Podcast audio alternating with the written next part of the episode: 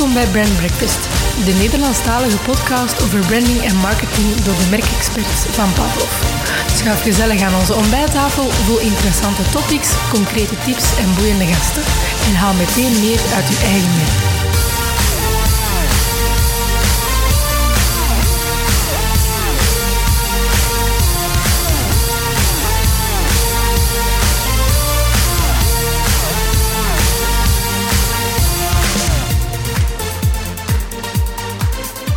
Goedemorgen, beste luisteraars. Welkom bij aflevering 45 intussen van de Brand Breakfast podcast over branding uiteraard. En dat is vandaag niet anders. En daar hebben we twee gasten voor uitgenodigd. Nathalie en Sven, welkom. Dankjewel. Ik ga jullie even uh, inleiden zoals dat keurig hoort. Nathalie de Schepper uh, was jarenlang uh, een van de aanspreekpunten voor starters bij VOCA Antwerpen-Waasland. Onder andere als startersadviseur, begeleider van brio-trajecten en expert in crowdfunding. Sinds 2021 is ze coach uh, coach de starters, sorry, en geeft ze les aan de Karel de Grote Hogeschool en de AP Hogeschool in Antwerpen. Daarnaast heeft ze met Tiny Dreams haar eigen fashion label voor petite vrouwen, wat ik heel cool vind trouwens, uh, Nathalie. En uh, publiceerde ze in 2021 het boek Crowdfunding Essentials, een handleiding voor jouw reward-based campagne. En naast haar, ook tegenover mij, zit Sven de Vocht. Niet toevallig haar wederhelft, mag ik daar toch wel aan toevoegen ook. Uh, die is directeur ondernemerschap bij VOCA Kamer van Koophandel Antwerpen-Waasland en in die hoedanigheid al meer dan 20 jaar uh, betrokken bij het begeleiden van ondernemers en starters ook. Daarnaast is hij Associate Professor Entrepreneurship aan de Antwerp Management School. Correct allemaal? Nergens allemaal gemist? voilà, dan is jullie LinkedIn mooi bijgewerkt alvast, ja. hè? dat is uh, belangrijk. Uh, ja, we hebben jullie gevraagd om het uh, een keer te hebben met ons over, uh, over start-ups, hè, branding voor start-ups. Um, een thema waar wij mee geconfronteerd worden bij klanten, hè, startende klanten, maar waar ik zelf ook wel wat interesse in heb, gezien ook mijn eigen band met VOCA. misschien beginnen met de, de, de simpele vraag. Um, wat is de definitie van een start-up voor jullie eigenlijk? Is elke starter meteen een start-up of moet je een, een hippe tech-app uh, ontwikkelen die de wereld disrupteert?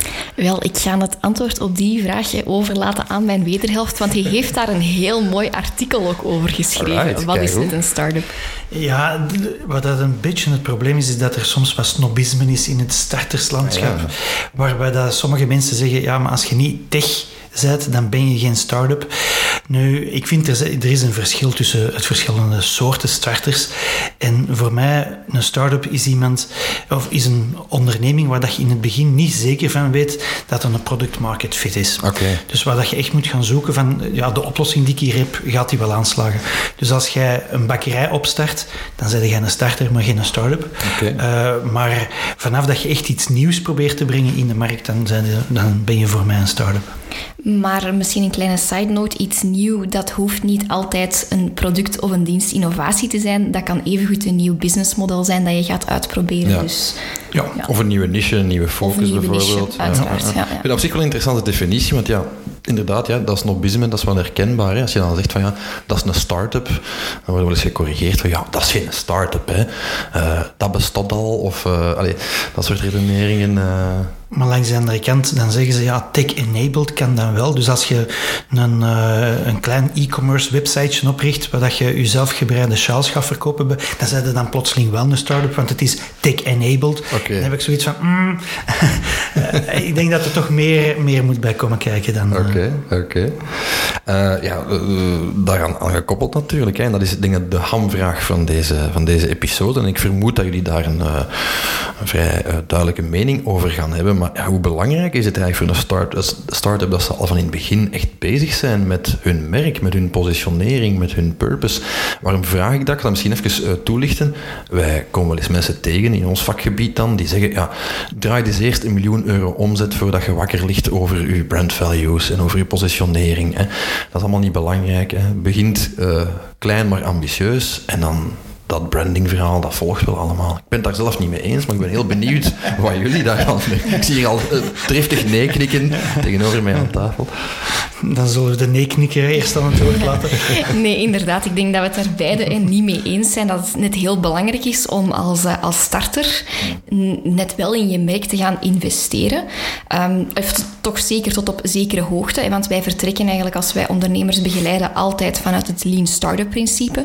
Dus wel nadenken over wat je uitgeeft. Uh, dus dat wil wel zeggen dat een starter die heeft in het begin ook niet al het budget van de wereld om al een brand uit te bouwen, zodat, hoe dat grote bedrijven dat al wel hebben. Maar er zijn een aantal kernfactoren die dat zeker heel belangrijk zijn als je een bedrijf start en die dat ook eh, gekoppeld zijn aan uw brand.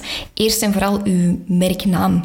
Uh, je moet ervoor zorgen dat je je merknaam dat je die goed kiest, dat je doelgroep zich daarmee kan identificeren, dat het het juiste imago schept en vooral dat, jullie, dat je jouw merknaam en jouw logo bij voorkeur ook laten deponeren. Dat die beschermd zijn. Wettelijk beschermd met een trademark. Ja. Klassieke vergissing om dat over te slaan. Dat is een heel grote vergissing als je dat, zou, uh, dat zou overslaan. En het is niet alleen het beschermen ervan, maar alleen al eens opzoeken of dat er niemand anders diezelfde merknaam al niet heeft.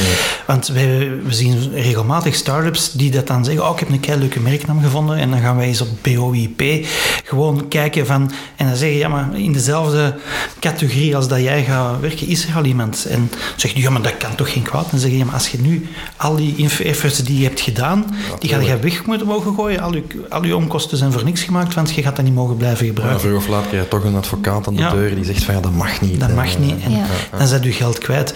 Nu, wat ik ook, toch ook wel heel belangrijk vind, in het begin, wij zeggen altijd, je moet focussen op je beachhead, op, die, op dat deeltje van de markt waar jij je direct op gaat kunnen inspelen en ook bijna gaat kunnen veroveren. En om dat te doen, moet je je naar die, naar die beachhead in feite een persona gaan opstellen en dan je duidelijk gaan positioneren naar die, naar die persona. Dus daar is die positionering van je merk enorm belangrijk.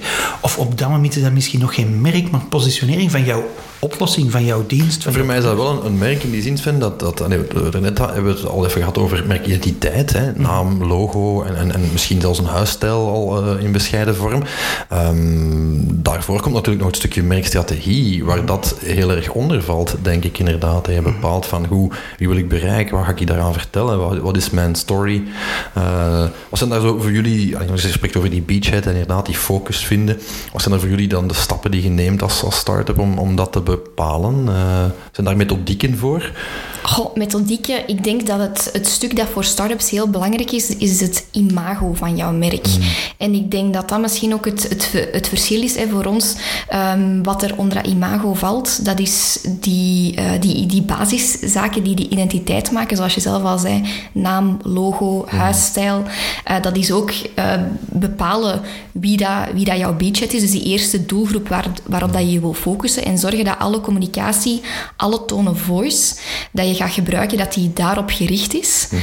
Dat wil niet zeggen dat je niet aan anderen mag gaan verkopen buiten die doelgroep, want dat is een common misconception. Maar het is wel zo dat je in je communicatie en alles wat je verspreidt over je bedrijf, dat je wel heel goed focust op die ene doelgroep. Mhm. Waarom? Als starter, je hebt heel weinig tijd, um, je, hebt, je hebt weinig middelen. Mhm. Uh, als je veel geld hebt, kan je natuurlijk ook veel meer tijd genereren door mensen uh, voor jou te laten werken en die dan te gaan betalen, die dingen doen. Maar dat is er in het begin niet. Dus moet je daar slim mee omgaan. En dan is focus. Focus op eh, liefst een, uh, een, een niche-markt of een, een duidelijk afgeschermd segment. De beste strategie. Hoe pakken wij dat aan? Wel, dat is uh, dat we echt heel duidelijk vertrekken vanuit de value proposition. Dus eigenlijk voordat je al een volledig concept hebt uitgewerkt, dat je gaat kijken welk probleem of rond welke problematiek willen wij nu werken in ons bedrijf. En dan gaan kijken uh, wat is er allemaal en voor wie willen we het net doen. En op basis daarvan eigenlijk terugwerken dat je iets maakt wat een perfect fit is voor die ene doelgroep. In plaats van een product of een dienst gaan creëren en het dan op de markt gooien en zien wie dat erop reageert. En dat is een klassieke fout die heel veel starters En hoe check je dat dan als start-up? Want ja, nee, natuurlijk eh, grotere spelers die zeggen, ja, we doen een keer uh, een tracker of een soort van marktonderzoek. Uh, het zij kleinschalig dan wel kwantitatief. Bij een start-up neem ik aan dat dat vooral de de Friends, Family en Fools zijn, zoals ze dat zeggen, waar je dat mee checkt? Of, of zie ik dat verkeerd? Friends, Family is Full. Full is meer voor de financiering. Dat is meer voor de financiering. Ja, ja. Ik ben juist geen fan dat ze het gaan vragen aan vrienden en familie. Nee, dat ze gaan vrienden en familie gaan vragen van... allemaal cool, wat vind ja. jij wat Ja. ik hier aan het doen ben? Dan zeggen die, oh, Prachtig, fantastisch, ja. die houden van u en die willen u gewoon steunen in alles dat je doet. Je moet het juist gaan... je- je- Dat is waarom dat wij heel veel belang hechten aan de persona.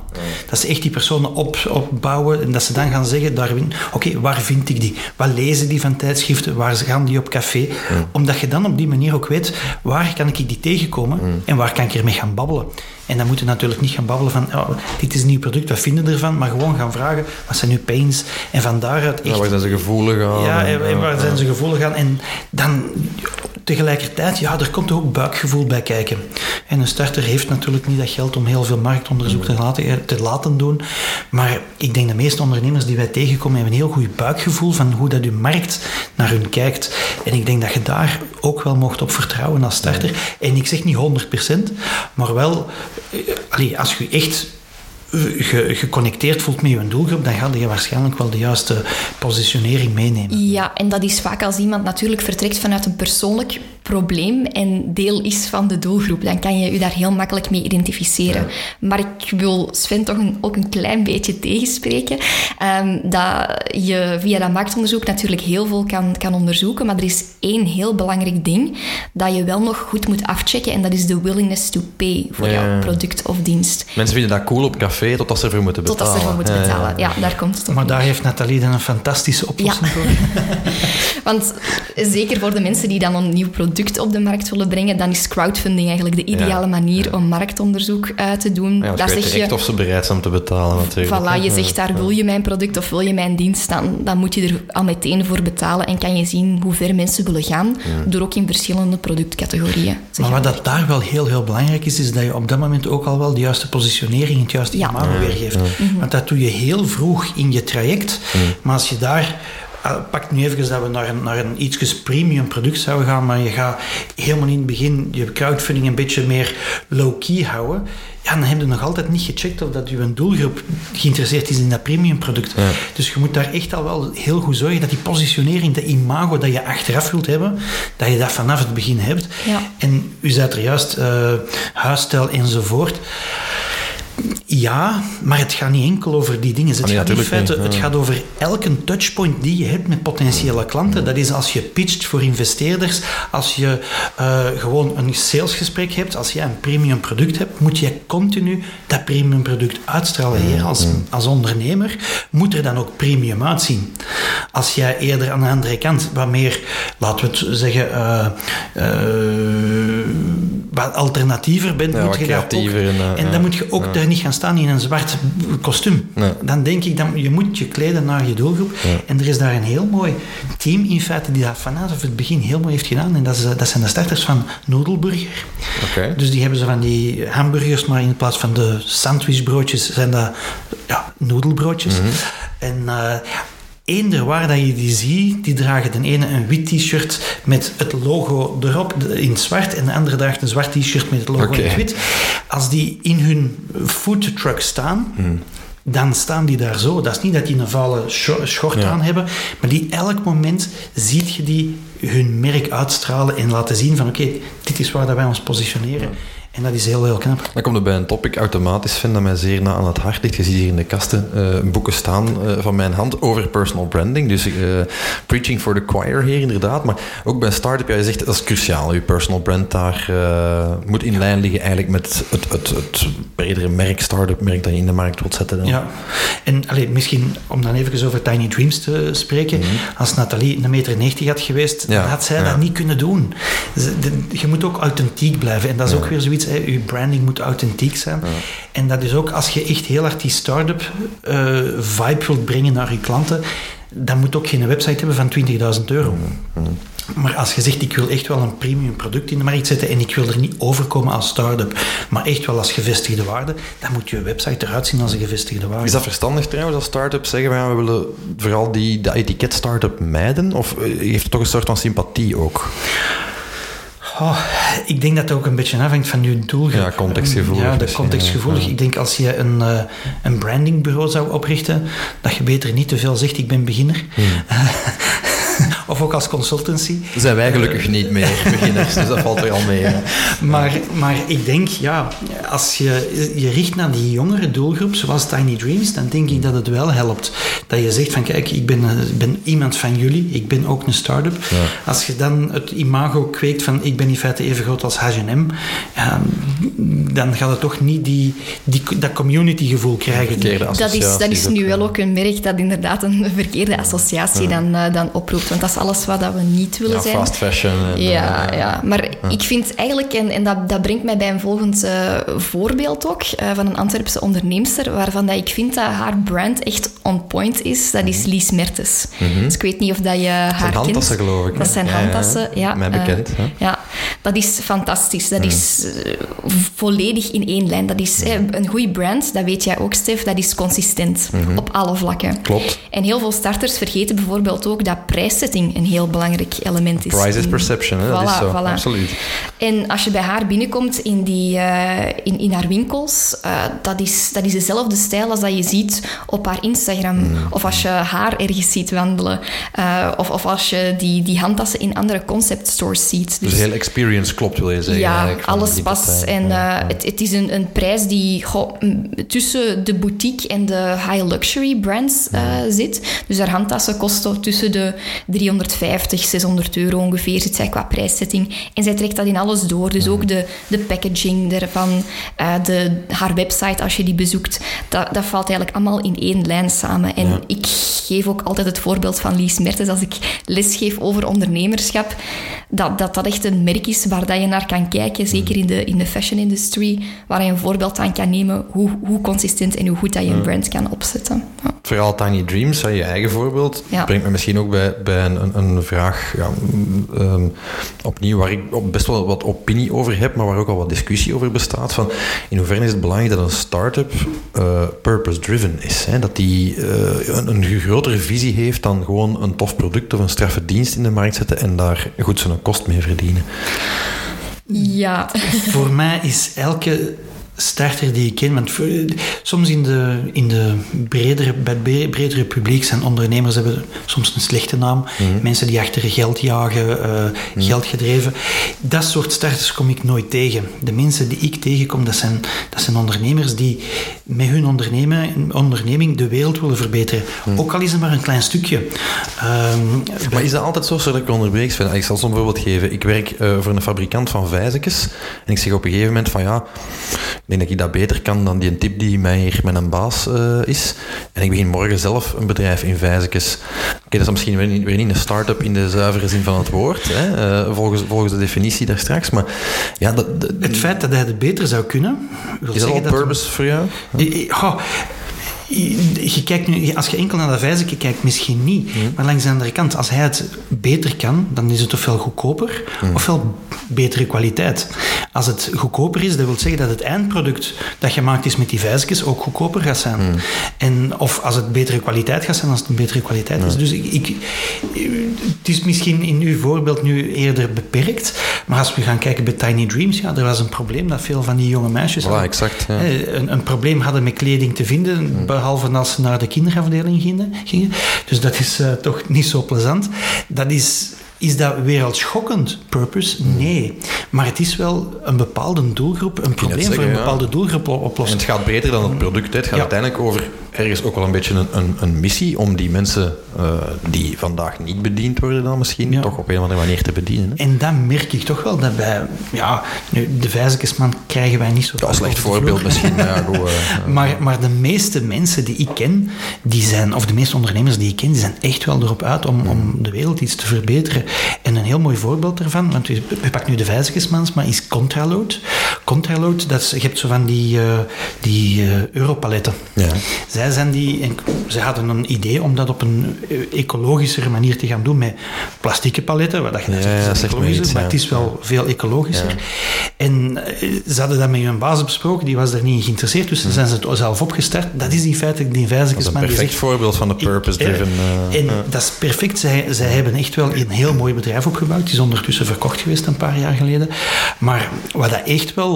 Ja, ik heb tegen mijn baas gezegd, ik kan het beter. Ze mm. zijn het beter gaan doen en hebben effectief een purpose-driven onderneming mm. opgezet. Mooi. Ik zie daar ook wel een evolutie de laatste jaren. Dus waar dat vroeger, hè, dat, dat die purpose-drivenheid er ook wel zal geweest zijn, zie je nu ook dat mensen dat veel beter kunnen benoemen en vertalen naar hun publiek. En ik noem dat een beetje de Start with Why-generatie. Natuurlijk, ja. Als Simon Sinek. Allemaal Sinek gelezen. Voilà, en, uh, voilà. Ze hebben dat allemaal gelezen. Uh, je hebt ook veel meer platformen waar langs dat je jouw, jouw merk en de why van jouw merk kan gaan communiceren. Dus it hits us in the face, continu. We worden continu eigenlijk als een tsunami komt dat op ons af en, en worden wij ook overstroomd door verschillende, uh, ja, in, op verschillende communicatiekanalen, verschillende berichten van de why van merken. Mm. En daardoor denk ik ook dat we dat nu zo ervaren, dat die purpose-drivenheid er veel meer in zit. Maar ik denk dat dat altijd wel al een deel van ondernemerschap is. Dat heeft volgens mij ook te maken, allee, corrigeer mij als dat in jullie opinie anders is, maar het feit dat um, die klanten van die merken, zij het nieuwe merken dan wel bestaande, daar ook veel meer om vragen. Tuurlijk. We hebben er net veel veel het voorbeeld H&M al. Ja, ik kan me best inbeelden dat er mm, consumenten vandaag op een heel andere manier naar zo'n merk kijken dan twintig jaar geleden. En zich ook andere vragen stellen van wat is de why eigenlijk van zo'n mastodon? Ja, maar wat we wel voor moeten oppassen is dat de why niet sustainability wordt. Ja, dat dat greenwashing is? Of, uh, ja, niet alleen die greenwashing, maar op dit moment sustainable zijn is niet meer genoeg om het verschil te maken. Nee, klopt. Ja. Ik had onlangs iemand die zegt van ja, ik wil echt wel een, een top luxe kledingmerk gaan doen, maar heel sustainable. En dan heb ik gezegd, en Chanel is, zijn die dan niet sustainable? Nee, nee, nee, die zijn niet sustainable. Ik heb gewoon naar de website van Chanel gegaan. Ik heb gezegd, hier, een, een, ik denk dat 30 bladzijden was over mm, hoe zij zorgen dat sustainability in hun bedrijf ingebed zit. Het is een norm geworden. Ik kan zeggen, mensen verwachten ook niet minder meer. Ja. Dat kan bijna niet. Ja. En het is eerder, sustainability is een minimum. Mm. Uw purpose moet er bovenop liggen. en niet enkel, uh, wij gaan het nu eens op een sustainable manier doen. Zo'n purpose, hoe belangrijk is dat? En toekoer, uh, een, een sterk merk, we hebben het net al gehad over ja, de eerste klanten. Um, ik zit ook met mensen aan tafel die wat kennen van uh, fondsen ophalen, investeerders vinden en dergelijke meer. Kijken die daar ook meer en meer naar? Of zeggen die van, kijk, de, de fonds, de cijfers moeten juist zitten, het potentieel moet goed zitten. En dan merk ja, we gaan er wel vanuit dat dat een tool is in uw kistje om dingen mee te doen. Ik denk dat het merk en een goed, sterk merk daar een hefboom kan zijn. Toch, ja. Een hefboom die zorgt voor extra vertrouwen. Hmm. En financiering draait eigenlijk allemaal rond vertrouwen. Hmm. Want als mensen geloven in jou en in jouw merk, hmm. en dat je dat goed gaat kunnen uitvoeren, en dat zie je eigenlijk al doorschemeren in dat merk, dan gaan ze ook sneller over de brug komen met funding. Wilt dat ook zeggen dat start-ups zonder een sterk merk minder makkelijk funding vinden? Ik, ik wil je niet zeggen een sterk merk. Hè? Want als ik denk aan een sterk merk, dan denk ik aan Uber, dan denk ik aan Coca-Cola. Ja, gevestigde. Gevestigde. Ik, wil gewoon zeggen, een goede positionering en een goede imago. Ja, voilà. Dat in feite de basis is van later een sterk merk te gaan hebben. Hmm. Maar dat, die positionering en dat imago moet wel juist zitten. Ook voor die financiers. Hmm. Als jij daar met een product afkomt wat duidelijk uh, premium is, maar je imago trekt op ja. niks, dan gaan die niet in je investeren. Want u, u, ook daar moet je weer consistent zijn. Die willen een consistent verhaal horen. Hè? Hmm. Ja, en je zegt ook, gaan ze meteen in de cijfers duiken? Ja, die cijfers zijn heel belangrijk, maar zoals dat we al hebben gezegd, is prijszetting een essentieel onderdeel van die branding. Dus ik denk dat je ook, je kan je merk bijna niet meer loszien van cijfers. Ik geloof daar niet. Ben ik daar ook mee eens, ja. Ik denk ook dat er twee verschillen zijn. Als we nu naar start-up, start-up gaan kijken die nog geen echte omzetten hebben, dan ja, sorry, maar... Dan is het merk alles wat je hebt eigenlijk. Dan is het merk alles. En die cijfers die jij daar projecteert in je financieel plan, dat is wishful thinking mm, in het mm. beste geval. Nu, als je een starter, een start-up bent van misschien vijf, zes jaar oud en je hebt al echt wel cijfers, dan gaan ze misschien minder naar dat merk kijken, omdat waarschijnlijk, als je echt goede cijfers hebt, dan kun je die alleen maar hebben gehad omdat je marketing en je merk goed in elkaar zet. Dus ik denk dat het daar... Ja, ik kan met geen enkele starter start-up indenken die een slechte imago en een slechte branding heeft, maar wel heel goede cijfers. ja, makes sense. Zijn er aan de andere kant van het spectrum, in jullie ervaring, we hebben net al een paar cases aangehaald, merken waarvan je zegt van oké, die zijn heel sterk gegroeid als start-up, direct naar scale-up, of uh, omwille van uh, positionering die uitermate goed in elkaar zat, of, of branding waarvan je zegt van ja, dat is zo straf gedaan, en het verhaal die Mertens is al gevallen, of de, de Control Load. Het is, ik had het gisteren nog met Nathalie erover en je moet daar een beetje oppassen, want als, als je die vraag stelt, dan denk je direct aan Facebook, aan een, aan een mm. Uber, mm. maar die hebben miljarden gekregen om hun merk op te bouwen. Tuurlijk, uh, en die hebben ook heel veel geïnvesteerd om dat merk mm. sterk te maken. Um, als we naar starters kijken, dan zie ik dat het ook weer afhangt van, van een business waar dan je in bent. Uh, een, een, bedrijf dat heel knap gegroeid is, en dat is bijvoorbeeld uh, Lemon Companies geweest, ja. nu Road ja. 21 van Philip Mm -hmm. Als we naar Philippe gaan kijken, die draagt ook zijn eigen imago. Die is, die is mm. gewoon iemand waar je graag business mee doet. En hij zorgt ervoor dat zijn klanten tevreden zijn. Dat is in feite echt wel ja, het merk, het imago dat hij uitstraalt. Mm. En kijk, als je, met mij, je kunt mij vertrouwen. Ja. Het is iemand die ook heel gemakkelijk vertrouwen geeft. En dat wil zeggen, hij is zijn merk. Mm. En daardoor is die heel snel gegroeid. Het is inderdaad, ik denk, toen die bij ons binnengekomen is, dan had hij amper omzet. En dan is die na één jaar is hij naar scale-up gegaan met 100.000 euro minimum. En in jaar twee, op het einde zat hem al uh, aan een miljoen en mocht hem direct door naar uh, Accelero bij ons. Ja, ja. Dus, dus die zien we wel. En ook weer daar, ja, kun je het merk dat Philip Smith nou, is vergelijken met een Uber? Nee. maar in zijn netwerk is Philip Smith een merk. Ja. ja. maar het merk is wel niet alles. Je moet natuurlijk ook een goed product of een goede service hebben. Anders, hè, anders is het alleen maar façade. Dan is het alleen maar een façade. Dus dat is wel een kleine kanttekening. Dat nee, dat werkt op lange termijn. Ik vind dat een vrij belangrijke kanttekening zelfs. Want dat zie je natuurlijk ook, dat er heel veel branding is. Ook bij personal brands zie je dat. Hè, maar dat ze vroeg of laat ook door de mand vallen. Dat heel veel façade is. Hè. Die uh, verhalen zijn natuurlijk ook. Maar dan, dan, dan heb ik dan bijvoorbeeld... We hebben... Uh, uh, soms toch zo van die verhalen waar ik van zeg, allee, we spreken allemaal over authenticiteit en dan krijg je daar ineens dat één kledingsmerk, ik kan er niet opkomen, dat zo verwijst naar, naar, naar uh, Japan, Superdry. Ja, ja, ja, ja. Waar dat in feite gewoon een aantal marketeers in Engeland zeiden van kom, we gaan eens een merk bedenken, daar zit niks authenticititeit achter ja. en toch zijn die erin geslaagd. Mega succes, hè? Heel veel succes te creëren. Dus soms kun je toch ja, gewoon vanuit een marketing verhaal iets heel moois op. Ja, de vraag is of dat blijft duren natuurlijk. Dat is de super, en, en, zo de Abercrombie en Fitch toestanden. Voilà, dat is dan voilà, even voilà. hip bij de, de tieners en dan, dan, ja, dan zakt dat ook alweer in elkaar. Nee? Ja, en die hadden heel veel geld om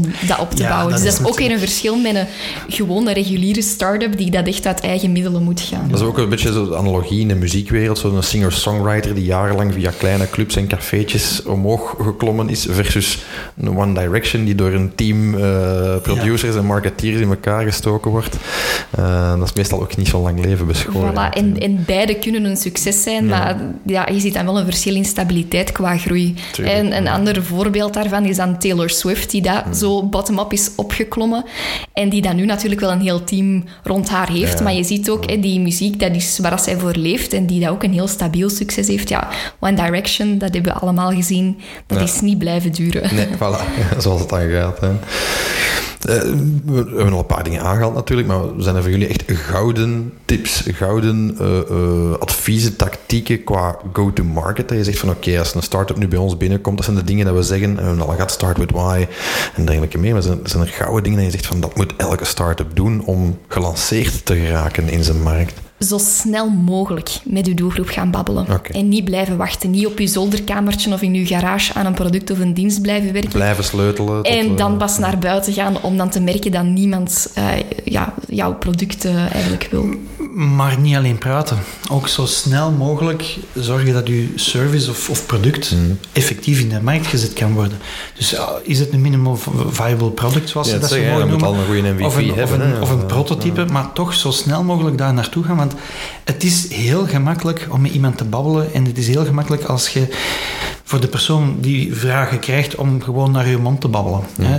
Uh, soms zijn er mensen die tegen mij zeggen, ja, maar ik heb daar op de mer geweest en ik heb aan keihard mensen gevraagd en ze vonden het allemaal fantastisch. Ik weet, iedereen die op de mer wandelt en iemand naar zich toe ziet komen, het is eerst, kan ik er weg? Ja. Nee, oeps, nee, het is niet gelukt. Ja, ik heb niet veel tijd, Mm. is dan het tweede antwoord. En dan beginnen ze te vragen, wat vinden van mijn product? Je wilt die discussie niet, lang trekken. Dus met andere woorden, wat ga je doen? Zo snel mogelijk er vanaf willen zijn. En dat wil zeggen, ik geef die antwoorden die hij wilt horen. Dat is wat Nathalie zei. Zijn ze ook bereid om ervoor te betalen? Hè? Dat is allemaal goed en wel. En, eh, En, en, en dan heb ik toch zoiets van, probeer zo snel mogelijk toch naar een minimal viable product te gaan. En is dat iets dat je nog niet echt direct kunt verkopen? Heb jij maar één prototype, dan is voor mij een crowdfunding, als het over een product gaat, sommige diensten kunnen ook gecrowdfund worden, toch wel een heel, heel goede Ja. manier van go-to-market. En, en in een crowdfunding, het, het mooie daaraan is ook dat je nog geen... In, in feite moet je zelfs nog geen werkende MVP hebben. Je kan bij wijze van spreken zelfs met schetsen of zelfs door gewoon uit te leggen wat je gaat doen, ja, ja. kan je al funding gaan ophalen. Dus dat is wel heel interessant om die willingness to pay dan te checken. Even zij, zijsprongetje daar. Ehm, vind je makkelijker eh, crowdfunding eh, wanneer je verder staat in dat proces? Of is dat een idee maar?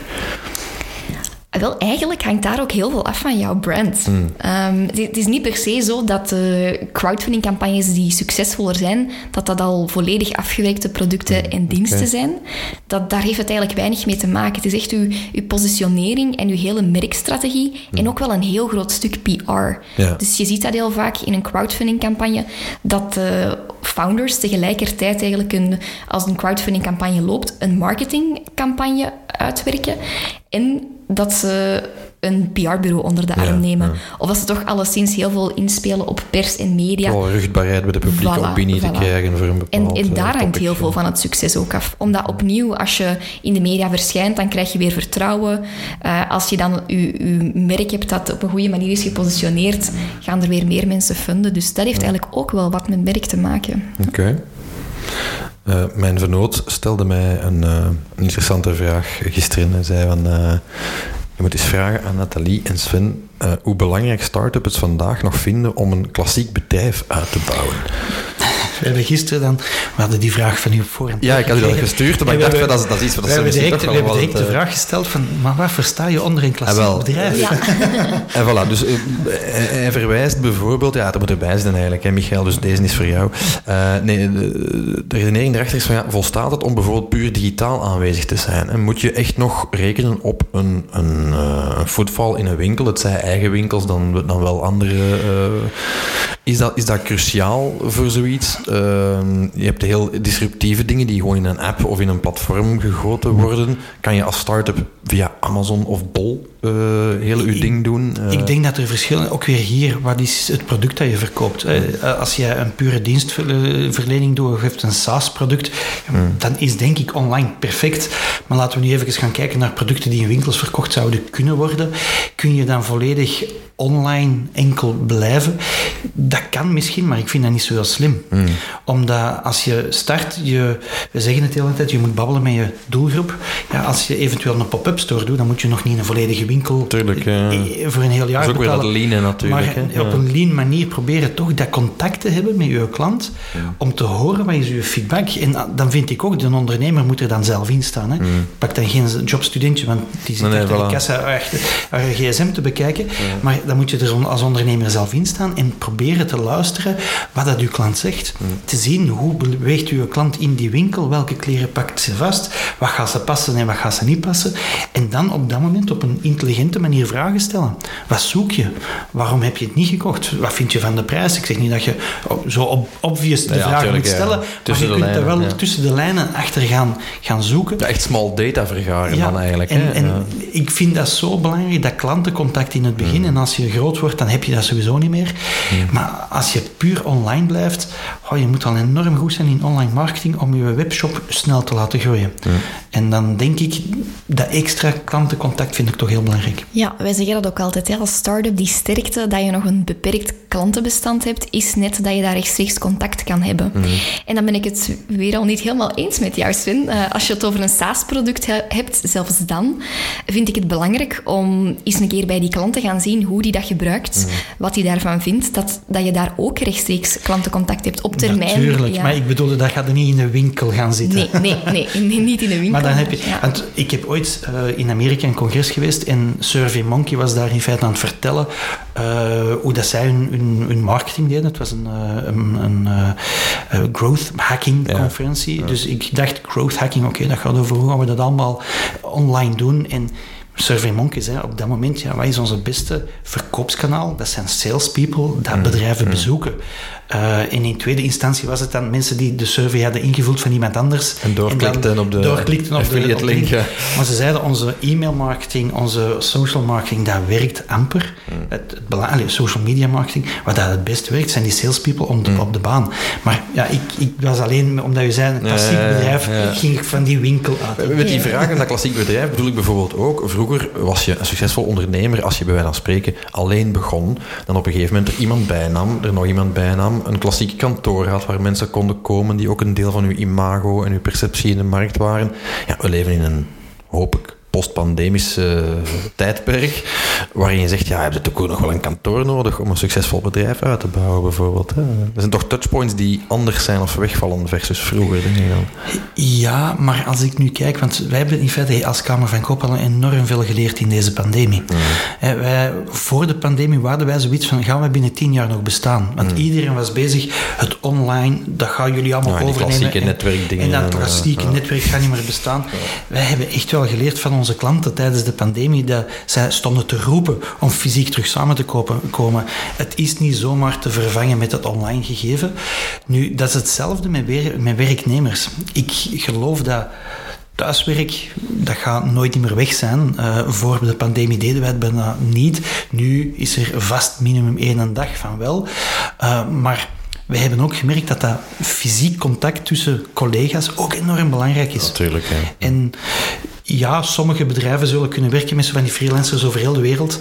Maar ja, je hebt de showpads van deze wereld, ja, die zeggen we hebben geen kantoor meer. Geen kantoor meer, maar ik denk voor heel veel bedrijven gaat het toch nog nodig zijn van ergens af en toe samen te komen. Het, het hangt er dan echt vanaf wat dat je aanbiedt. En als ik dan even kijk naar hè, mijn functie als docent Mhm. op, in, het, in het hoger onderwijs, dan is dat daar ook heel belangrijk, hè, dat, dat fysieke. Uh, die studenten hebben dat echt heel hard gemist. Ja, pittige periode achter en, de rug ook. Hè? Klopt, en je ziet nu ook dat de resultaten enorm hard tegenvallen. Dat is over alle hogescholen waar ik lesgeef, zie je dat er echt een serieuze achteruitgang is. Omdat ze net dat fysieke element dat ze dan nodig hebben, dat ze die begeleiding voor een stuk missen, die dat je niet ten volle kan benutten als je achter een computerscherm zit, maar dat je wel hebt in een, in een klaslokaal natuurlijk. Ja. Ter afronding misschien, Nathalie, jij als uh, begeleider enerzijds en, en, en klankbord voor start-ups, maar tegelijkertijd ook start-up zijnde dan, hè, met, uh, met Tiny Dreams. Um, wat is voor u de learning uh, sinds uw eigen opstart? Oh, ik denk... Dat je nu uh, zelf meegeeft aan ja, andere starters ja. misschien? Ik weet het niet. Hè? Um, dat het, als we het echt over merk hebben, dat het wel belangrijk is om te, te investeren in uw merk, maar uh, dat, je, dat je in het begin vooral die imago, die positionering, dat die moet goed zitten. En dat, dat je als je geld begint te verdienen, dat je ervoor zorgt dat voordat je naar alle andere zaken begint te kijken, dat je zorgt dat, dat het volledig plaatje klopt. En als je dan bijvoorbeeld een pop-up store wilt openen of eh, je wil, een, uh, je wil je webshop uh, gaan open doen, dat je dan wel zorgt dat alles in dezelfde lijn zit en dat je niet moet bang zijn om te gaan in investeren. Want het is vaak omdat je eerst bang hebt om te investeren. Want dat was bij mij ook zo. Ik heb eerst mijn webshop in, in, in WordPress gebouwd. Mhm. En die branding kwam daar niet tot zijn recht. Ja. Dat, was, dat was geen mooi geheel, al zeg Ja. ik het zelf. Maar oké, ik dacht altijd lean startup. En, en ik ben daar nog altijd van overtuigd. hè. Ik ben een heel fervente preacher van lean startup. Mhm. Maar op een gegeven moment, als je geëvolueerd bent als ondernemer dan, en, en je bent al een tijdje in de markt, moet je echt wel voor zorgen dat de mensen die bij jou komen, dat die daar echt een, een, een merk zien staan en niet meer allemaal loshangende deeltjes. En dan zie je ook dat mensen meer gaan kopen.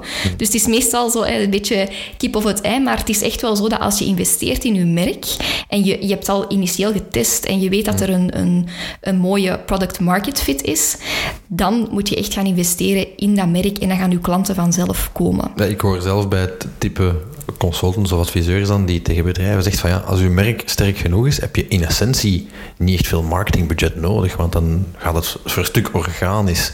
Is iets dat jij ook ervaren hebt? Of uh, zeg je van ja, dus voor de meesten is het toch verstandig dat ze er vroeg of laat ook wat marketingbudget tegenaan gooien? Goh, ik vind marketingbudget toch ook nog wel een belangrijke. Het is niet omdat je enkel je sterk merk hebt, oké, dat, dat draagt al heel veel. Mm-hmm. Maar zeker in een tijd waar dat iedereen op zoveel verschillende kanalen aanwezig is, is het belangrijk om top of mind te blijven.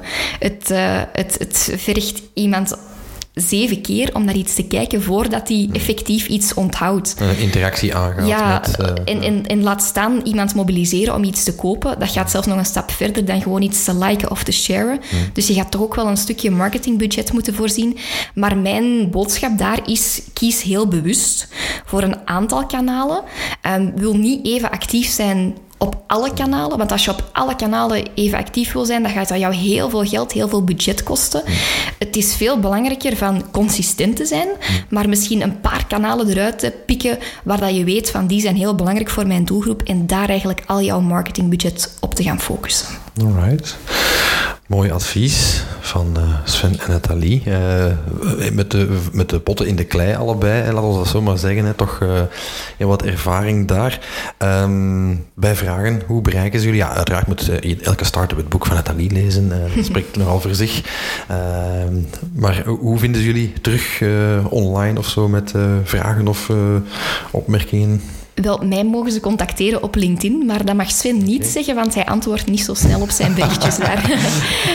Sven kan gewoon reclame maken voor de Brio-trajecten bij ja, Voca. En, uh... Kijk gewoon naar uh, Brio uh, op de Voca-website en neem contact met ons op. we hebben een team van zes starters hier in Antwerpen, startersadviseurs hier in Antwerpen ja. zitten, die jou kunnen begeleiden, waar dat ik er een van... Allez, ik ja. doe niet meer echte startersbegeleiding zelf, maar ik zie er nog heel veel toch. Dus dat is de beste manier. Oké, super. Gaan we onthouden. Voilà, uh, voor u luisteraar, dankjewel om, uh, om mee te luisteren vandaag uh, naar deze aflevering. Um, ik zou zeggen, like deze aflevering. deel ze vooral verder met de startups in uw netwerk.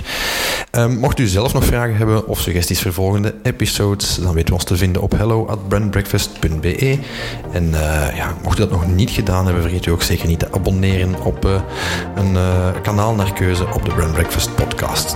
Graag een volgende keer.